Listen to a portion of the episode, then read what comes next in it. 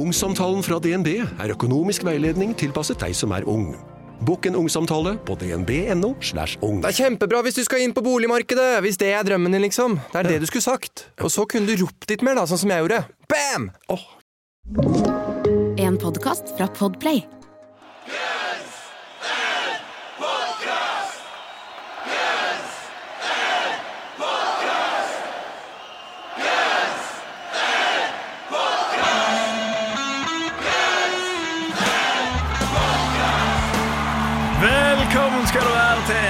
Splitter ny episode av Guns N' Podcast. Verdens eneste podcast med to rogalendinger som bryter ned Guns N' Roses sin diskografi låt for låt. Ja, jeg tror vi. Tror vi. Jeg er Eirik. Jeg? Ja, jeg tenkte på noe annet. Ja, han er Eirik, jeg Jørn, og vi er klare igjen med langfredag for å henge med deg. Det her har jo ingenting å si for deg som hører på dette her i fremtiden engang, men hvis du nå er en av de som hører på det når det er box fresh, så, som ungdommen sier, Ja. så er vi nå klare. Vi er klar, ja, var det bare det du ville si? Ja, det Yes, ja, men det er godt for de som hører på langfredag, så vet dere at vi er klar. uh, og som alltid uh, Nei, faktisk ikke. Ingen sånn sterk nyhetsuke denne uka. Det har ikke vært det. Vi har, vi har, eh, vi har ikke resirkulert akkurat, men kanskje tatt noe fra, fra litt gammelt av og, og, og en ny vinkling eller en litt sånn. Så det, og, Ja, altså Det er én fersk nyhet, og det er at Guns N' Roses glapp for Trondheim Stage, som er Trondheims ekvivalenten til Live Nation. ja. Eh, de prøvde det i fjor, og nå sier de nå har vi noe enda kulere som tar 60 000. Så tenker jeg Guns N' Roses tar 60 000. Så Ja. jeg vet ikke hvor mye kulere dere skal være. Nei, hvem kan det være da? I don't know. Nei, Og så spørsmålet Har dere en plass i Trondheim som tar 60 000, for Granåsen tar vel 38 Granåsen tar Jeg bare telte det. Ja, ikke du telte. det er ikke, det er ikke Men jeg vet ikke hvem de, hvem de prøver å få, men den Nei. Guns Roses glapp i hvert fall, og det er jo en overskrift, og det er en overskrift jeg klikker inn. Dessverre var det plussabonnement, så dette er alt jeg vet om det. men Så, eh, ja, nei, men men det det finnes sikkert trøndere som har utfylla informasjon for de som vil vite mer. Ja, så kontakt din nærmeste trøndere for å få vite mer om Ja. dette her. Så, så vet de nok. Er det lov å håpe på, på kanskje at det skjer noe i 2022, eller? Kanskje. Kanskje. Kanskje. Kanskje. Kan være. Uh, og Apropos resirkulering, så er det jo det her DJ Ashba-intervjuet som vi har snakket om tidligere. Men så er det jo sånn at eh, Ashba, når han først snakker, ja, da lytter folk. Uh, og da er det mange som uh, sitter inne og resirkulerer liksom, det, Han har gjort én times intervju som har sikkert blitt 50 forskjellige nyhetssaker. Det er resten av året, det. det er Ja, det er så mye. Og Ja. siste nå er hva han gjorde med pengene han fikk fra Guns N' Roses Ultimate Guitar, som, som har uh, skrevet om dette, eller transkribert, så fint heter. Hvor mye fikk han? Han fikk veldig mye. Ja. Helt i starten så blowa han, uh, som han sier, 250 000 dollar, så vel 2,5 millioner. Mm. Og da forsto han OK, jeg kan ikke drive og gjøre hele tida, fordi regningene kommer. Eh, Så jeg må spare litt. Og hans versjon av spare den liker jeg veldig godt. Det er et helt sånn herlig resonnement. Mm. Som han sier I wanted a McLaren five years ago, but I was smart enough to go I love sports car, but I can buy this Lamborghini. Og så har han en sånn lang tirade der han sier sånn, vet du hva Det du gjør, det er at du sparer de pengene, så kjøper du deg en Lamborghini, så kjøper du McLaren. Når du kan kjøpe McLaren uten å miste søvn av det. Og så sier han, han programlederen sånn der I find that extremely admirable. Ja, Han er en mann av folket, DJ Espa. Han, han, han, det er det beste, det beste resonnementet jeg har hørt. Men ja, så det, det er mye greier med DJ Ashba òg. Det at han eh, syns at streaming er det beste som har skjedd, og at Sharon Osbourne um, var connectionen hans til Gunsen. Og ja, Uansett hva han har sagt i intervjuet, så kan du banne på den nettsida som lager nyhetssak av det. Så vi kommer nok til å nevne det fremover òg, vil jeg tro. Men han liker ikke så godt husk på det, han liker ikke så godt å se tilbake på at han var i Guns. Det, det betyr ikke så mye for han. Det det er ikke noe han det er nevner i intervjuer. Det, det, det er ikke hans stil. Det er ikke det. Det er ikke det. det, er ikke det. Og i andre nyheter som ikke er nyheter, så kom jeg over et eh, ganske fint eh, klipp på YouTube her, som jeg viste deg nå nettopp. Ja, det må jeg si. Rick Roll, det er kule greier. Vi har pratet om denne her han er Perfect Crime-dokumentaren fra Use Your Illusion-turneen, som eh, visstnok fotografen Robert John skal ha vært med å filme. Tror du han solgte sjelen sin til djevelen for videofilmegenskaper? Eh, ja, sannsynligvis. Ja. Ja. Liten referanse til Robert Johnson. For de som tok den. Ja, Så ikke forklarte jeg altså Anyways! Yes. det ligger et klipp ute på YouTube som sier Guns N' Roses Robert John. Ah, det er jævla kult. Så ligger det sånn to-tre minutter med ting som jeg aldri har sett før fra Use Solution-turneen. Fortrinnsvis i 91, virker det som. Siden Ja, for Issi er med på alle klipper Ja, Uh, og det er liksom litt sånn backstage shenanigans og, og, og passed out-folk liksom Kjører så kjører de sånn der Hva heter det? Offroad-bil? Ja, en sånn liten, ja, en sånn liten uh, Boogie? Ja, et eller annet sånt. eller sånt. ja, det ser i hvert fall ut som de hadde kjekt. Det Og jeg tenkte bare i løpet av de tre minuttene Denne dokumentaren her kommer aldri til å se livets lys, men fy faen, jeg skulle likt å sitte den. Ja, Det er nok det jeg har mest Hvis jeg kunne velge hva som skulle bli gitt ut fra liksom, hei, alt det som Guns Roses har liggende, inkludert denne her Patience-komisangen, så, så hadde det vært den uh, dokumentaren der. Eller helst alt råmaterialet kunne jeg egentlig sett for de greiene der. Altså, det Ja, gøy. det tror jeg har vært helt konge. Men du skal ikke, du skal ikke skimse av Nå vet jeg ikke om det ble filma der, men, men liksom à la Chinese Democracy med, med Buckethead og det som foregikk der. Ja. Eh, nå var vel kanskje Yoda, altså de kalte hun på Usual Lush, men hun var vel ganske eh, framtredende på Chinese Democracy-tida òg. Når du godkjente hvem han skulle jobbe med. Det hadde vært fett å sitte. Det hadde vært fett. å det- Der mistenker jeg at det ikke det, er så mye film fra, dessverre.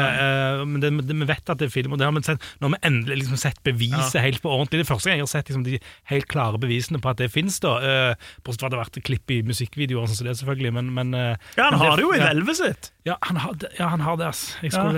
Det var jo en greie der, jeg husker ikke hva som skjedde der, men han skulle jo egentlig kjøpe alt av Robert John, men ifølge godeste John John, så jeg kaller han nå, eh, så fikk han alle pengene, og så ble det et søksmål. Jeg vet ikke Ja, hvordan stemmer. Det var en greie Ja. der òg. Men han har Excel har opptaket i hvert fall.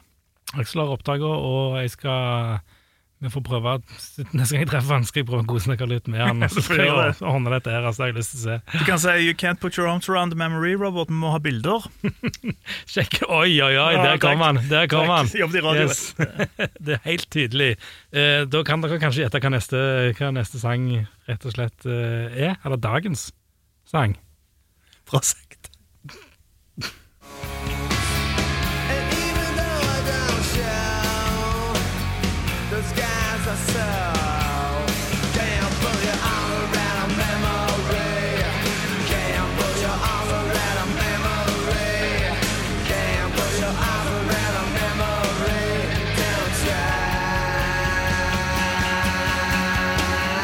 Yes, you can't put your arms around memory fra The Spaghetti Incident, som kom ut i 93 som en slags uh, Gunsens versjon av Metallica sin Garage Days hyllest til heltene deres. Og låta i dag, det er ikke noe unntak, det, Eirik.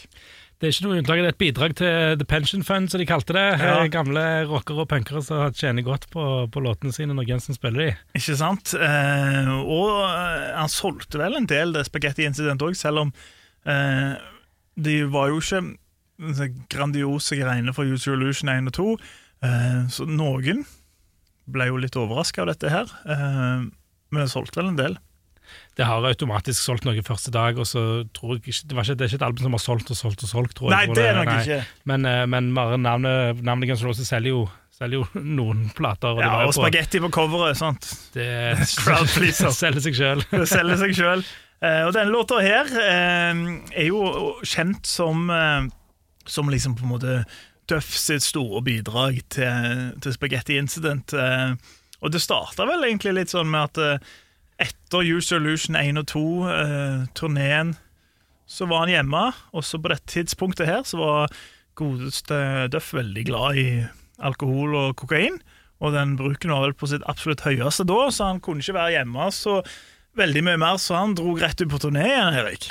Han gjorde det, han hadde, han hadde spilt inn Han hadde også gjort det samme, prøvd å rømme litt fra misbruket på turneen, og, mm. og spilt inn masse låter i forskjellige byer, rett og slett. Leid inn studiotid og, liksom, og gått alene inn og spilt ting. Og så, og så gjorde han det samme når han kom tilbake. Han, han prøver han skjønner at han har litt problemer. Og, Ja, vil rømme litt fra det. ja, vil rømme litt fra det, og, og faktisk så tenker han at det er bedre for han å dra på turné enn det å være hjemme. Eh, Det kan jo høres litt rart ut, og Axl Rose hadde vel noen advarsler på, på det, eller?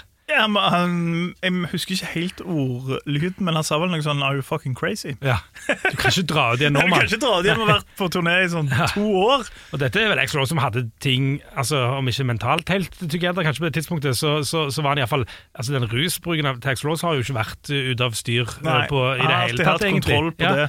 Og han sa, så dette var, dette var liksom ren omsorg. Han så at Duff sleit, sannsynligvis, Ja, Og, og sa hallo, det kan du ikke gjøre, men Duff sa at uh, ja, sorry, men jeg må. Han, han dro ut. Ja. 'Believe in Me' heter soloplata hans. Han, eh, som eh, et av hans, han har jo et par sånne som han har sett opp til, og et av de var jo Prins, På debutplata til Prince spiller han jo alle instrumenter sjøl. Det, gjør jo- det gjør jo Duff på 'Believe in Me' òg, selv om han har uhorvelig mange gjester. Lenny Ja. Kravitz, selvfølgelig hele Gunsen, minus Axel, mener Ja, jeg. minus Axel. Um, Sebastian Bach er med. Ja, Sebastian Bach uh, og ganske så mange andre.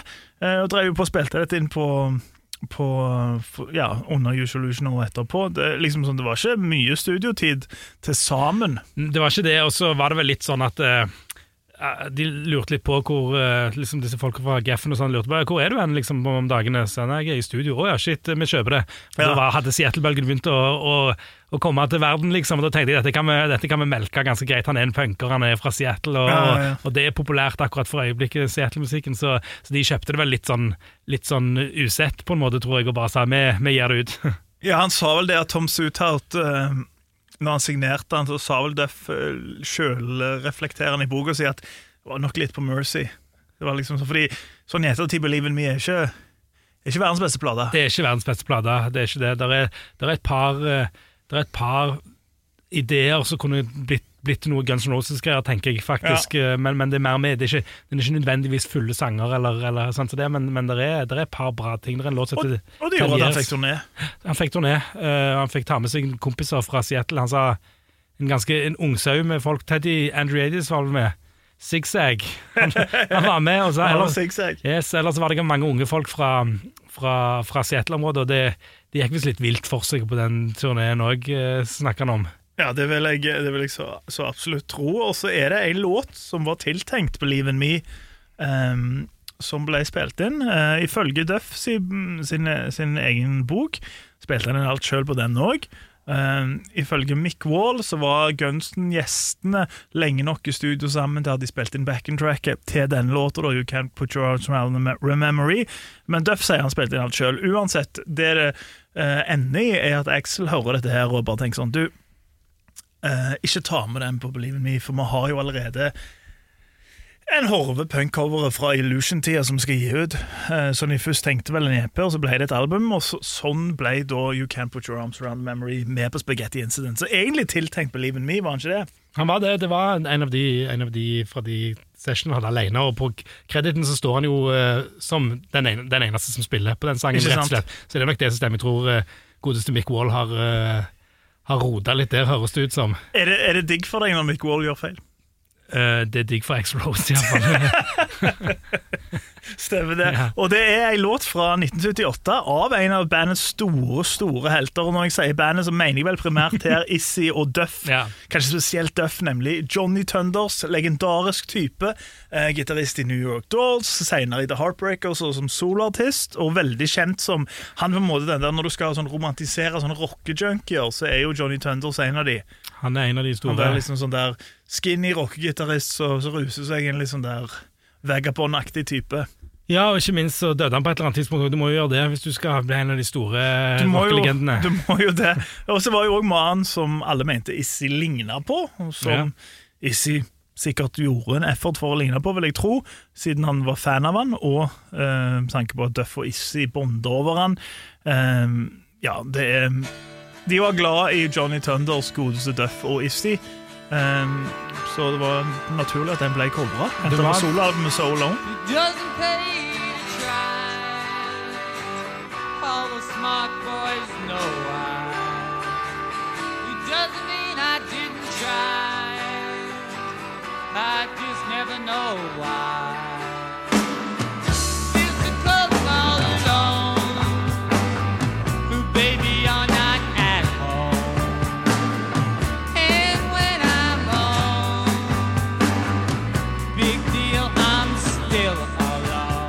Jo ikke alle i Guns Roses som er så glad i Johnny Thunders. Nei vel, nei. Nei. Visste ikke at denne kom. Nei. Eh, godeste Slash. Han gir noen intervjuer i 94 etter hvor han snakket om Spaghetti Incident. Ja. Og da sier han eh, altså jeg vet ikke om det, Han sier ikke akkurat nødvendigvis at det er grunnen til at han ikke spiller på han at Duff, det er jo Duff som gjør alt, men han sier at eh, I didn't even play on the Johnny Thunder song because I hated that little fucker. Sier han til, til Kerrang. Og så går han litt videre til, til Q Magazine i 94 igjen og sier Well, the Johnny Thunder song was the one song on the record I didn't play on. And I really, I have no fucking, I hated that guy. He's definitely an icon for the fucking junkie songwriters and a character. But as far as a person, he was a total asshole. So I really don't give a shit, to tell you the truth, as far as Johnny Thunders. Ja vel. Så det var ikke, det var ikke grenser for hvor sinna han var da, på, og det er jo ikke ofte Slash er så sint. Ikke engang på Axel er så Nei, sint. nei det, det var hans sterke ord, ass. Og det kan jo være at dette her bunner ut i eh, noe som skjedde tilbake i 1986. Eh, for det er jo sånn det er jo ikke alle som får oppleve å møte heltene sine. Ganske få, egentlig. Eh, og attpåtil det å få spille med dem må være ganske stort, for spesielt da Duff. Ja. Og, og jeg vel jeg tror dette skjedde i 1986, for da kom Johnny Thunders til byen. Hadde vel nye plater ute, skulle spille to kvelder på Fenders Ballroom i Long Beach mars 1986. Og på dette tidspunktet så hadde ballen begynt å rulle for Gunsen, så de fikk liksom sånn De fikk sånn eh, henvendelser type Hei, vil du supporte disse? Ja, Og så kommer det inn Johnny Thunder spiller to kvelder. Ja. Eh, vil dere spille? Duff ja. Helt Hopper i på den, hopper på den. ja. Hoppe på den.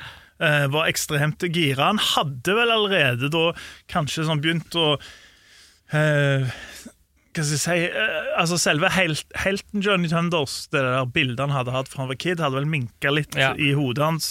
Eh, selv om han husker tilbake på liksom sånn eh, seks år før, på, i starten av 80-tallet. Da han liksom på vestkysten, som jeg antar da er Seattle, og sånt, hadde sett Johnny Thunders mye. Hadde til og med jævla med han en gang i Portland. Eh, sånn i ettertid så har han sagt at det var kanskje mest fordi at Tunders da hadde fått seg eh, skutt opp og trengte et eller annet å gjøre. Og da var det vel ja, jamma med en tenåringsstøv. Men så skal de spille det, så han tenker uansett liksom sånn at, eh, Det er jo Johnny Tunders, liksom et av mitt store, min store idol. Gleder seg så faen. Kommer dit. uh, og det gikk ikke helt etter planen, som du gjerne ikke gjør med Gunsen. Det gjør ikke alltid det. Nei, for noe av det første som skjer, er jo at uh, Johnny driver og spør eh, hvor han får tak i droger, og det er jo én ting. Eh, men så òg, samtidig med dette her, så driver han da og prøver seg på Aaron Everly, og hvem er Aaron Everly? Den gamle Aaron Everly prøver seg på historien. Den har, den har vi hørt et par ganger før. Altså. Ikke sant? Aaron Everly var jo da dama til Axel, og hva skjer når noen prøver seg på Aaron Everly, Eirik? Da får du spørre David Bowie, holdt jeg på å si. Du kan jo ikke gjøre det, men eh, det går iallfall ikke bra. Det går ikke bra. Det er ikke som Axel sier sånn Hei, hei. Det, det, det i di mi misforståelsen. Hei, han klikker. Vennligst respekter at det er min, det er min kjæreste. Veldig respekter. Nei, Han klikker, holder en tirade, uh, og er visstnok ganske sånn skremmende hvor sint han blir. For Duff sier det at han kan være ganske skremmende når han blir sinna. Og det blir han visstnok òg for eh, Johnny Tunders. Uh, bare gjemme seg på, på backstage, på dressing sitt, uh, de to kveldene. Um, og sitter bare der og venter på en fiks av heroin. Og, Og, ja. det var det. Duff sier hadde ikke så mye respekt for han da. Det er jo én til historie om hva som skjedde der, som er litt annerledes. Og det er at uh, godeste Johnny Thunders Axel Ross har på disse herne assless chapsene sine på det tidspunktet. ikke sant? Så det, hva er det for noe? Sånn ridebukser liksom uten I sånn bottomless ja, chaps. Ja, ja, bottomless, ja. Uh, hvor, uh, hvor Johnny Thunders kommer til Axe Ross og sier du ser ut som homo. Eh, ja, og at, liksom, og det, at, det liksom, at det var dårlig stemning da på grunn av det. Så det kan jo være en kombinasjon av, av disse tingene, det vet jeg ikke, men, men det, det er litt um, Det er noen uenigheter. Men på den ene måten som framstår På den ene historien med til Duff så framstår eh, så framstår eh, Johnny Thunder som, en, som en, en pyse som bare går og gjemmer seg, og på den andre så framstår han som en litt asshole. Som, eh, som, eh, som, da, da sier det ingenting om at han imot gjemte seg, eller noe, men at Axl Rose ble fornærma, rett og slett. Ja. Uh, ja. Jeg Så- Axel Rose går i, i bottomless chaps på sin høye hest der, for det tok ikke så mange år før han kom med ganske Nei, han nedsettende låt. Ja, nei, så det, det, det, det Ja, det, han, han, er ikke, han er ikke blameless på noe der i det hele tatt, Axl Rose, men, men noe av dette kan jo være grunnen til at Slash ikke liker han, da. Ja, jeg vil jo tro at det har hatt en viss påvirkning. For jeg, vil, jeg hadde syntes det var jævla rart hvis ingenting av dette her var tatt til grunn for det han sa i 1994. Det, det er nok en del av eh, et bilde, Det må jeg. jo være det at han har møtt han, men så syns jeg òg litt, sånn ironisk at heroinjunkienes far, kanskje. Eh, Johnny Thunders Klag, ja. treffer, treffer Slash, og Slash bare sånn 'Herregud, han er Ja, jævla junkie!' jævla junkie, Hva er det han holder på Og, med? og det som hørte historien, er jo etter, etter Johnny Thunders er død òg. Det er liksom noe med at kanskje du holder litt tilbake når du snakker om folk som, som ikke Ja. lever lenger, men Ja. det gjør han jo ikke i det Og hele det, tatt. og det var ikke sånn at det var Det var ikke sånn det var mange år heller. Han døde vel i 1991. Yep. Og så tre år etterpå så, så går jeg ut og Slash, snakket vel med alle bortsett fra ditt elskede spillmagasin. Har ikke funnet noe fra Har ikke spillmagasin der ennå. Men det som også er litt ironisk, er jo at Slash spiller jo faktisk på Johnny Thunders låt på Spaghetti Incident. Fordi eh, Human Being er jo, er jo fra New York Dolls, ikke sant? ja. Så, det, så han har jo faktisk gjort det òg, så jeg vet ikke helt uh, Men spørsmålet er hvor nøye Slash er på det. Begynner sånn der Who is credited in the liner notes writing it? Oh, it wasn't Johnny. Then it's fine. kanskje, kanskje det var en forutsetning for å spille på den låten, jeg vet ikke. Eventuelt kan det være bare at uh, Slash var i et weird mood og skulle gjøre klar promotering av Slash Snakebit, som kommer året etter. Jeg vet ikke. Ja, og så må du kjefte på noen hvis du skal gjøre Ja. God, det er god promo, det vet alle. at uh, ut Det var jo i 94 òg, så da var folk mer- opptatt av andre ting Ja. enn en Slash. Nei, jeg vet ikke, men det var ekstremt harde ord til å være han. det var det. Men det som er interessant òg, er jo eh, Apropos dødsfallet til Johnny Thunders, der er det mye greier. Der er det noen forskjellige teorier rett og slett om hva som har skjedd. Ja, det er liksom ganske mye forskjell. Han døde, han døde i St. Peters House i New Orleans i Louisiana 23. april 1991. Um, og ja, det, det er litt forskjellige ting her, for du har Didi Ramone, som har kanskje det mest wacky eh, grunnen. Og det er og det er at det, det skulle være at eh, Johnny Thunders da hadde liksom havna i problemer med noen folk som hadde liksom rippa han opp for metadonen hans, og så hadde de gitt han LSD isteden, og så hadde de drept han. Eh, og det, det er Didi sin. Ja, fordi han, skulle, han hadde fått seg en metadonladning i Europa på en eller annen Ja, måte. en og skulle bare, skulle bare reise rundt og liksom slappe av og komme seg vekk fra alt mas og kjas liksom, med den og kose seg. Og så, så ja, det var hans Så drepte de han gang ga ja. LSD, var Didi Ja. Ramone sin, og så var det en kar som heter Willy DeVille, som er vokalist, jeg vet ikke hvor, jeg, Eh, men han, han bodde eh, i nærheten av det her hotellet hvor Tønder døde, og han sa at eh, liksom, folk hadde fått nuss i det at han bodde ved siden av. Eh, Så Rolling Stone har begynt å eh, ringe Village Voice og bla bla, og fullt i ting, så han har bare funnet opp Jeg bare funnet opp at Johnny Tunders døde med gitaren i hånda, for jeg syns det hørtes kult ut. Ja, det, det er jo sånn du gjør en legende, da. Ja, det er jo det. Ja, så det var sikkert omsorg i det, men eh, det stemte ikke, sa han etterpå. det. Nei, det stemte ikke. Og så har det jo vært i årevis familien til Johnny Tunders, som har prøvd å få New Orleans eh, politi eh, Departement, jeg vet ikke faen hva det heter, politi, sheriffkontor, et eller annet, til å ta opp saken igjen. New Orleans, ja. Orleans. Eh, det har de ikke gjort, og der har det jo vært litt sånn forskjellige ting, fordi de har jo snakket om at det var uh, at de fant, uh, hva de fant uh, kokain og metadon der, og jævla mye av det. Mens en annen har sagt nei, det var ikke noe var ikke. Og en annen har sagt òg vi fant ganske sånn eh, Ganske utvikla leukemi der, altså blodkreft. Ja. Så kan det òg være en grunn. Uh, men det har jo ikke Johnny Tenter snakket med noen om, så han som de også sier, at han er eneste som visste hvor syk han var. Mm. Men uansett, det er ganske mye sånn spørsmål rundt hans død. Uh, som eh, Ja, det er ikke et svar på det ennå. Nei, vi skal finne det til neste uke, skal vi ikke? Jo. Det blir en sånn crossover til true, True crime. crime, ja. Ungsamtalen fra DNB er økonomisk veiledning tilpasset deg som er ung. Bokk en ungsamtale på dnb.no. slash ung. Det er kjempebra hvis du skal inn på boligmarkedet, hvis det er drømmen din, liksom. Det er det du skulle sagt. Og så kunne du ropt litt mer, da, sånn som jeg gjorde. Bam! Oh.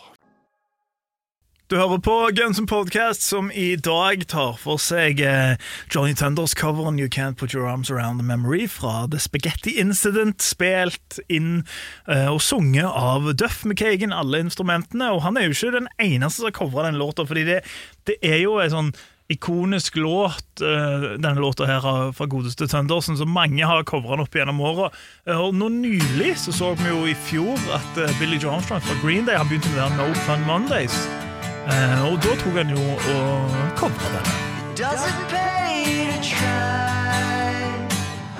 All the smart boys know why. Doesn't mean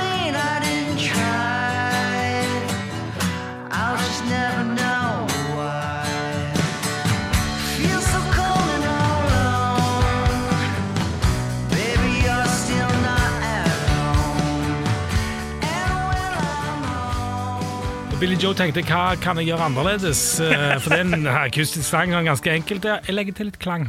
Til Det var, litt klang. det var det han gjorde. Det var hans eh, bidrag til denne. Så lik, altså, Kult å høre hans stemme på han. Alle de tre har vel holdt seg ganske tett opp til originalen. Sånn. Ja, det, men her er trommene Nei, mener alle de to. Ja, ja, her, ja, men her er trommene litt nærmere originalen, tror jeg. Litt sånn, litt sånn uh, spesiell trommestil, egentlig. På, Ja, på både òg, fordi det er jo miksa som Green Day, så det høres jo ut som stadiumsrock. Jeg tenkte mer på beaten. Oh, ja, på beaten, ja, på beaten. mm, beaten. beaten er litt Jeg likte eh, Beat Echolt. Stemmer det. Men hva, hva syns du om disse Billy Joe sine No Fun Mondays han gjorde i fjor? jeg, er jo en, jeg er jo glad i Green Day. Jeg har jo hørt mye på Green Day. Uh, men de to siste Green Day-albumene har vært helt krise. Og derfor så har jeg ikke hørt så veldig mye på Det er jeg ikke enig i. Jeg syns Father of All Motherfuckers var helt krise, men Revolution Radio hadde et par kule kutt. Det er eh, en veldig stor forskjell på krisen Father of All Motherfuckers og krisen Revolution Radio. Det er jeg helt enig i. Jo, Ja, men ja. Revolution Radio er formildende fordi den er mellom Father of All Motherfuckers og Under Stress, som òg er krise. Jeg syns Under stress er bedre enn eh, Syns du det? eh, Det er den wacky trilogien. Ja, men det er tre Det, det er altfor mange låter. så Ja, det er jo det. Ja, ja, ja. Og Revolution Radio er, er, hakke, er bedre enn Father of All Motherfuckers. For å si det sånn. Det, det går det ikke an å Men det skal de ha, da. Han prøver noe nytt hele tida. Det gjør jo det. Eh, det bare, men det er jo bare ikke så bra. Nei, det er det ikke. Nei. det er det ikke, absolutt ikke Men eh, han skal ha for å prøve noe nytt. Ja. Og det nå Fun Mondays var liksom fun. det var Ja. gøy, det. Ja, for der prøvde Men- han ingenting nytt, så jeg syns det var jævla kjedelig. Ja, det var, men det var dritkjedelig. Altså, det, var, Ja, altså, det var det mener. Det var det, det var det jeg skulle til å si. Altså, Ja. det, var liksom, det var liksom Ok, kult at du gjør det, på en måte. Det er en pandemi å gi ut sanger som folk kan høre på. Eh, jeg setter pris på forsøket, men det er bare, jeg har ikke gidda. Jeg hører på noen sanger så- Ingen sjel i de coverene der. Nei, så- nei det, det, det, det er ikke det. Nei. Så, så eh, Men denne, denne Nå vet du, nå har vi pissa off alle Green Day-podkastene der ute med to rogalendinger. Green, Green Podcast? Nei, ikke. Nei. Men, uh, men uh, um, har, nå, Dette er første gang jeg hører den låten faktisk med Billy Joe, da. men den skal jeg høre en gang til. For den har jeg jo et forhold til fra før på en helt annen måte enn mange av de låtene som han, som han under. Jeg likte at han gjorde Tiffany. I Think We're Alone Now. Det er jævla kul låt, men jeg synes han kunne gjort så mye mer. Men klart han er jo hjemme, men samtidig tror du ikke Billy Joe Armstrong har et millionstudio hjemme? Um, jo. Jo. jo. Men jeg ser det er kult da at han har med sønnene sine. Eller hvert fall Han hadde det med han var på en eller annen I don't know, Jimmy Kimmel, Jimmy Fallon, en av de der. En, en eller annen Jimmy Så spilte de. Det var litt tøft. Ja. Men Nei, eh, eh, selve coverne er slapt. Slappe greier. eh, Og det, det, det er som Green Day i 2020 og 2021. Ja, altså, den nye singelen Don't Get Me Started. Ja, Don't Get Me Started, sier jeg om den. Du kan hete Here Comes the Boom. Nei, det er POD, det. Here Comes the Shock. Et eller annet. Here comes the Et eller annet, ja, et eller annet. faen, det er jo ikke refrenget. Ja, der, der skal du ha. For du kan, altså, du kan si hva du vil om, om The Offspring, men den nye deres, uh, Let the Bad Times Roll, det er i hvert fall et hook. Det er i hvert fall et hook! var mine two cents. Anyways uh, Pop-punken podcast her. Poppunken podcast. Uh, men ja, denne låta her har blitt covra mange, og han har spilt, uh, spilt live av mange, deriblant Gunsen. Ja, har NoFX spilt den? Hm? Har NoFX spilt den noen gang? Nei, de har ikke Nei, de har ikke det. Har ikke det. Da har vi tatt den. Ja, Nei, Jeg har noen Ofex. Har du? Ja, ja, ja. shit, men det kommer ikke ennå. Ja, Du, ja. du var for trigger-happy. Ja, det var det. Sånn er det når du er. Eirik. The trigger-happy beats echoed. Men ja. Men det er en låt uh, som av Guns Roses i Guns Roses-samlingen aldri er blitt spilt live. Nei. Iallfall ikke i sin helhet. Ikke i sin helhet. Nei. Men uh, Duffmeister, derimot. Duffmeister drar han fram en gang iblant på sine soloshow. Eller ikke sikkert hele tiden på soloshowene Hele tida. Ja. Uh, han har gjort det liksom loaded soloshows. Han har gjort Ja. det i en sånn Johnny Thunders-hyllest som er veldig fin, med litt sånn stryker og greier. Han gjorde det uh, på Jones' Jukebox, med, altså med Steve Jones for Sex Pistols. Han har en sånn radioshow. Der sitter de to og spiller det. Så Duff McKagan elsker denne låta. Det gjør han helt, helt tydelig, og han har tatt han med som en liten sånn intro på Not In This Lifetime-turneen, før eh, det er liksom forutsigbart hva de gjør. De spiller en intro med Can't Put Your Arms Around The Memory, og spiller i Attitude, og så kvelden etterpå, hvis vi spiller to steder, så spiller de Can't Put Your Arms Around The Memory inn i New Rose. Så det har de gjort eh, stort sett eh, hver eneste kveld, tror jeg, på Not In This Lifetime-turneen. Ikke det verste av det, da. Det er ikke det er verste. det jeg elsker, jeg elsker ja, alle de tre sangene. Jeg elsker, jeg elsker iallfall Attitude og Euros er kule. Og, og den lille, lille rolige introen på Det er bare sånn 20 sekunder eller et eller annet med Can't Put Arms Around Memory som, som liksom puncher inn i en litt, setter stemninga for den, og så, og så blir det litt hardere etterpå, liksom. Så det funker, det funker bra, det. Funker fjell, det. Og da, uh, ladies and gentlemen, så har vi kommet til tidspunktet der vi skal si hva vi syns om låta, har vi ikke det? Det er vel det tidspunktet nå. Det er det, og Ja. det er vel din tur, kan det stemme? Det kan sikkert stemme, ja. Ehm, jeg har vært uh, Duff McKagan har liksom vært litt sånn min, min fyr i Guns N' Roses, egentlig. Sånn, Iallfall når jeg var når, når albumet kom, altså når jeg var 13 12-13 år. Og, og han har veldig mye av æren for at jeg sjekka ut punk. Det har jeg jo snakka om før. ikke sant? Jeg hørte Attitude og bare sånn Shit, dette var dritkult. Det var annerledes enn en det jeg hadde hørt før. Uh, og Duff McKagan var nok den personen i Guns N' Roses som liksom som, som, liksom, liksom sikkert mest hadde hatt lyst til å møte. Det var et eller annet, Jeg vet ikke hva som snakket til meg. Det var noe med den punk. Ja, det tror jeg, jeg, tror, jeg, Attituden tror ikke du er en eneste som tenker det, for jeg tror han virker så jævla likende. Ja. Mm, mm, det gjør han, og, og det er noe med den. Han har den punk-attituden, og, det, og, og det er jo litt sånn Det er jo, altså, det er jo Kan bli forbundet med å være litt sånn Være litt idiot når du er punker, på en måte, men, men samtidig så er det, en, det er liksom et samhold mellom punkere på en eller annen måte, og det syns jeg han, han, eh, han han, eh, ja, Du får liksom den følelsen fra han, da, ikke sant, at det er et eller annet. eh, Og, og Derfor så var jeg positivt innstilt til Believe in Me-albumet når det kom ut. Jeg hadde veldig lyst til å like det, likte en del av det. Klarte ikke helt å, å, gå all in på det, liksom. Um, Var ikke noe slash snakepits jeg pleier å si. nei, det ga jeg jo ikke en sjanse i det hele tatt. Du Da var hater jo det. Ja, jeg hater og hater. Faen meg et ikonisk cover òg, men ok. Jeg liker bedre Jeg liker nok bedre Eller for meg så liker jeg nok bedre Duff McKagan sin solo enn Slash sine solo-halvveis-greier. Men, men Ja, altså, jeg skal ikke ha på meg at alle sologreiene hans, men Slash Snakebits sitt debutalbum, der er det mye undervurderte greier, sier jeg bare. ja, ja, kanskje, du kanskje, kanskje, du kanskje du har fått meg til å høre på det et par ganger, og, og det er jo ikke sånn at jeg hater det. Men Vi har jo krangla mye når jeg mente at det kunne vært en Gunson-låt om eh, forskjellige ting. ja, jeg, ja, jeg er glad at det ikke ble det, kanskje. Ja, men Axel kunne ha f- tweaka det, vet du. Ja, det kunne, Men det var en helt annen ting. Ja. Meg som eh, Digresjoner. Digresjoner. Ja. Digresjonerer. Uh, poenget er at uh, You Can't Put Transform Memory er nok den, den Hvis han skulle tenkt på seg sjøl, så hadde han spart den låten til Believe in Me, for det er jo en bra låt. På uh, Spaghetti Incident så er det en helt OK låt, kanskje sånn Litt middels Litt som plata sjøl. Som, som plater sjøl, egentlig. Litt, kanskje sånn litt over middels. Uh, jeg gir han en uh, Jeg gir han en 6,5. Den halve er fordi at det er Duff som gjør det, liksom, og jeg, jeg, jeg er glad i Duff. Ja. Ja. Um, jeg er jo glad i Duff. Um, liker han godt. Um, ang angående denne låta her, uh, alltid likt versa.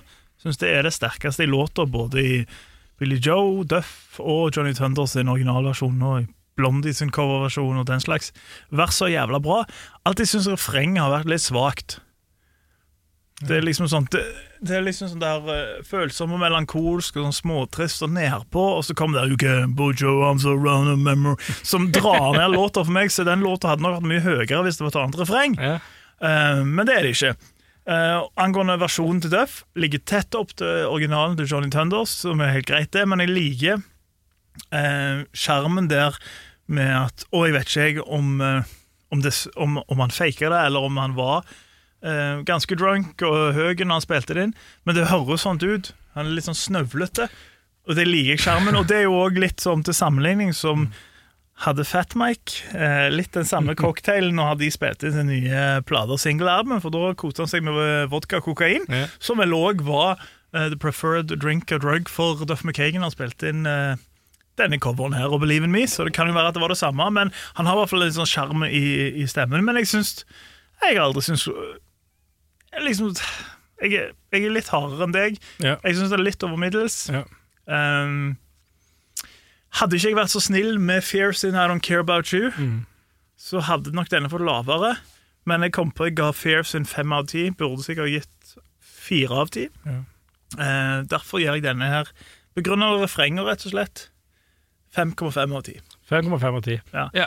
Jeg tror det, altså, for jeg liker godt verset, men jeg syns Men samtidig, det er òg en ting, fordi de gangene når jeg ser klipp av Duff McKagan alene når han synger den, så syns jeg han er jævlig fin. ja? Så det er litt sånn rart, men jeg syns bare sånn her Måten han er sequence, han er helt på slutten, rett før I don't care about you. Ja, og Charles Manson-låter. Um, så han er liksom sånn der Han er en av mange halvveis covere på spagetti. Så jeg, jeg liker han godt når han spiller han solo, men jeg, jeg meg ikke så mye. Altså. 5,5 av 10. Jeg går for den, ja. Den. Kan jeg bare skyte inn én ting som jeg glemte å si nå? Shoot. På slutten av sangen så sier han eh, 'like a motherfucker'. Sant? Helt på slutten. Mm. Og det kjente jeg egentlig litt nylig at det er et, eh, et album av Heartbreakers med Johnny Thunders. Og det er det han har på bassen sin. Ikke sant? På bassrekken sin så står det LAMF. Ja. Og det har jeg alltid trodd var Los Angeles, motherfucker. Men det er Like a Motherfucker fra Johnny Thunder, så det er med på scenen hver gang Duff står på scenen. Så er Johnny Thunders med på, på scenen. Er det der Søgli har tatt det der Last Train Motherfucker fra, tror du ja, det er ikke helt sikkert, De har jo LTMF-greiene sine. Ja, det kan jo Ja, så- ja, men det er helt Rocka gjeng. Ja, ja, ikke sant? Eh, Men at de har noen Johnny Thunders-bånd eller et eller annet sånt, det er ikke helt umulig. Nei, det er ikke helt umulig. Ikke helt umulig. Men det var det.